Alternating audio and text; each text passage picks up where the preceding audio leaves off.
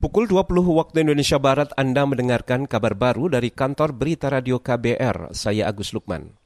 Konfederasi Serikat Pekerja Indonesia KSPI menyatakan Undang-Undang Cipta Kerja yang disahkan DPR Senin lalu tidak sesuai dengan daftar inventaris masalah atau DIM yang sudah disepakati fraksi-fraksi sebelumnya.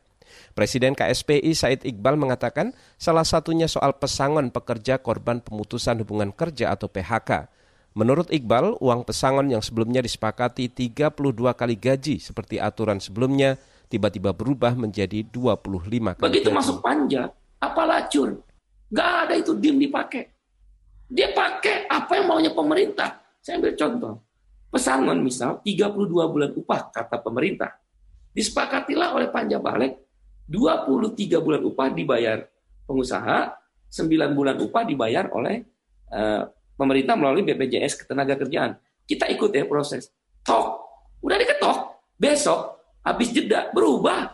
Presiden Konfederasi Serikat Pekerja Indonesia KSPI Said Iqbal menambahkan, aturan uang pesangon bagi buruh korban PHK juga bermasalah karena sebagian pesangon ditanggung BPJS Ketenagakerjaan. Said Iqbal mengatakan hal ini bakal merugikan BPJS Ketenagakerjaan yang diperkirakan harus menanggung 75 triliun uang pesangon bagi 5 juta buruh korban PHK. Undang-Undang Cipta Kerja menuai kontroversi dan mendapat penolakan berbagai pihak, mulai dari buruh hingga kalangan organisasi kemasyarakatan. Ribuan buruh menggelar aksi demonstrasi di berbagai daerah sejak selasa lalu. Para buruh juga melakukan aksi mogok kerja. Beralih ke informasi lain, penambahan kasus baru positif COVID-19 di Indonesia kembali memecahkan rekor terbanyak harian. Juru bicara Satuan Tugas Penanganan COVID-19 Wiku Adhisa Smita mengatakan ada tambahan kasus baru dalam sehari terakhir mencapai 4.800 kasus. Hingga kini kasus positif COVID-19 di Indonesia mencapai 320 ribu lebih. Uh, adanya penambahan kasus positif baru hari ini sejumlah 4.850. Sedangkan jumlah kasus aktif per hari ini ada 64.924 atau 20,3 persen, di mana kasus aktif dunia adalah 21 tujuh persen. Jadi kita sedikit di bawah uh, kasus aktif di dunia. Itu tadi juru bicara Satgas COVID-19 Wiku Adi Sasmita.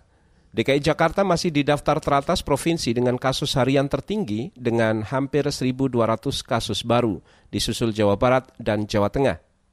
Sementara itu Komisi Pemilihan Umum KPU membuka opsi penundaan pilkada serentak jika kondisi COVID-19 semakin memburuk. Opsi penundaan pilkada ini sebelumnya gencar disuarakan sejumlah pihak termasuk Ormas Islam, NU, dan Muhammadiyah.